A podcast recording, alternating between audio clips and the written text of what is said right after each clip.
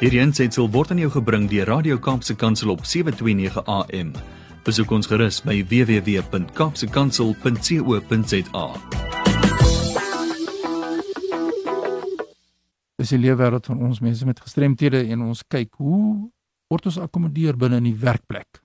Die afgelope paar weke het ons gesels oor redelike akkommodasie. Ons het gepraat oor voorwaardelike aanbod wat jou werkgewer of potensiële werkgewer vir jou kan maak in terme van plasing in die werkplek.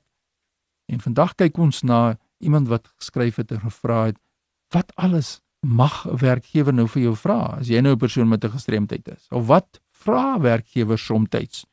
Miskien is dit nie altyd die regte vraag wat hulle vra nie, maar kom ons kyk 'n bietjie nader na hierdie saak. Nou as 'n mens kyk, die eerste aspek is vra wat gevra moet word om duidelikheid te kry oor jou gestremdheid en oor die redelike akkommodasie wat jy nou wil hê. Ons het genoem wanneer die keuringsproses nou plaasvind en jy doen aansoek vir dit werk en dan kry jy nou daar werksaanbod en nou begin hulle dieper te praat oor hierdie baie belangrike saak. Hoe word jy geakkommodeer?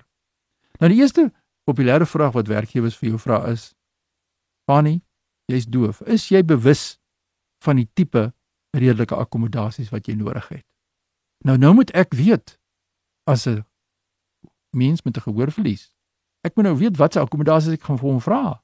Soos baie belangrik dat jy voor die tyd goed voorberei is of wat jy alles kan vra en mag vra.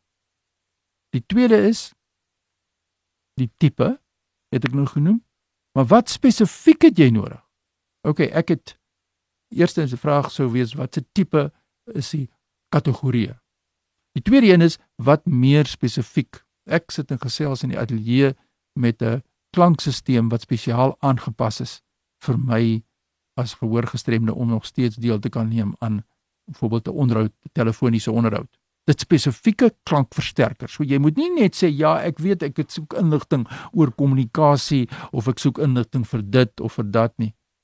Jy moet sê ek weet ook ek soek spesifiek. Ek is iemand met disleksia en ek soek spesifiek hierdie toerusting of hierdie app op my selfoon wat dit vir my moontlik maak om op 'n gelyke basis as iemand wat disleksie het dan te kan kom kompeteer met my mede-kollegas. So jy moet baie spesifiek wees. Die derde vraag wat werkgewers ook vra is hierdie verlies of hierdie impairment wat jy nou het, is dit tydgebonde? Is dit net tydelik? Is dit permanent?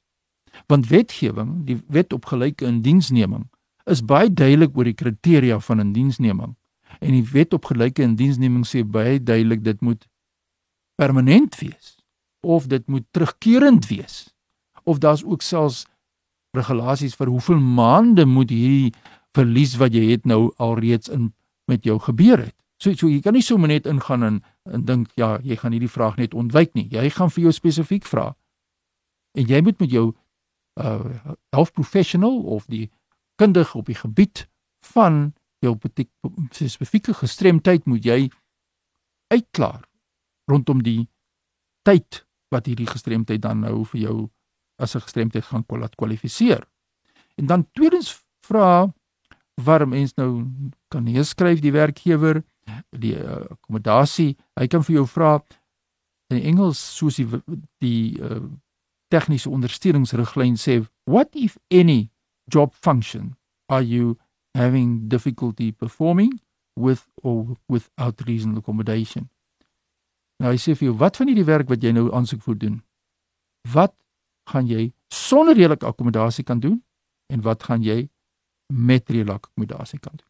En dan gaan die werkgewer miskien vir jou 'n dieper vraag vra en vir jou vra, het jy enige redelike akkommodasies vir hierdie uh, hier verlies of die limitation in die Engels gehad in die verlede by die vorige werkgewer wat jy gewerk het en hoe suksesvol was dit? So jy moet kan sê ja, by die vorige werkgewer was daar opritte. Daar was grypreëlings in die toilet. Ek soek dit ook graag hier want ek kan nie die toilet onafhanklik gebruik nie. So jy moet in beheer wees van jou eie gestremdheid. Jy moet weet watse beperkings jy het. Jy moet weet watse akkommodasies jy nodig het en hier is dit baie belangrik om saam met die kundige op die gebied van gesondheid, die dokter, die terapeut saam te gaan sit voor jy na die vir die onderhoud gaan dat jy hierdie sake baie baie duidelik uitklaar of selfs 'n verslag het. Ons noem dit 'n funksionele verslag wat jy kan kry van jou terapeut.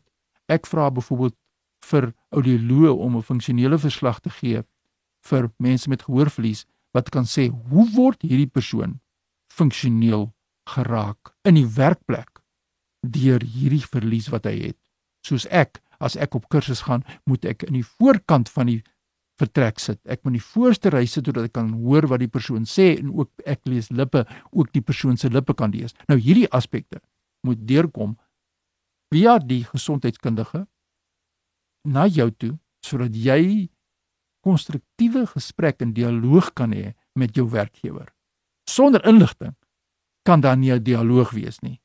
En sonder inligting gaan die werkgewer ook nie weet wat om vir jou te sê rondom sy vermoë soos ek in die vorige program gesê het om jou te kan redelik akkommodeer nie want alles gaan oor redelikheid. Dit gaan oor redelik teenoor jou, maar dit gaan ook redelikheid teenoor die werkgewer. Anders sou dit geforseerde akkommodasie gewees het. Indien jy by 'n werkgewer is en jy het leiding nodig oor wat en hoe om die vrae te beantwoord vir jou gestremdheid, ek kan kontak maak met kundiges op die gebied van jou gestremdheid. Stuur sommer nou 'n e-pos aan my by fani.dt by mweb.co.za. Ek sal kyk hoe ons jou kan ondersteun rondom hoe jy vrae moet beantwoord wanneer die werkgewer inligting by jou benodig. My e-pos net weer fani.dt by mweb.co.za. Groete tot 'n volgende keer.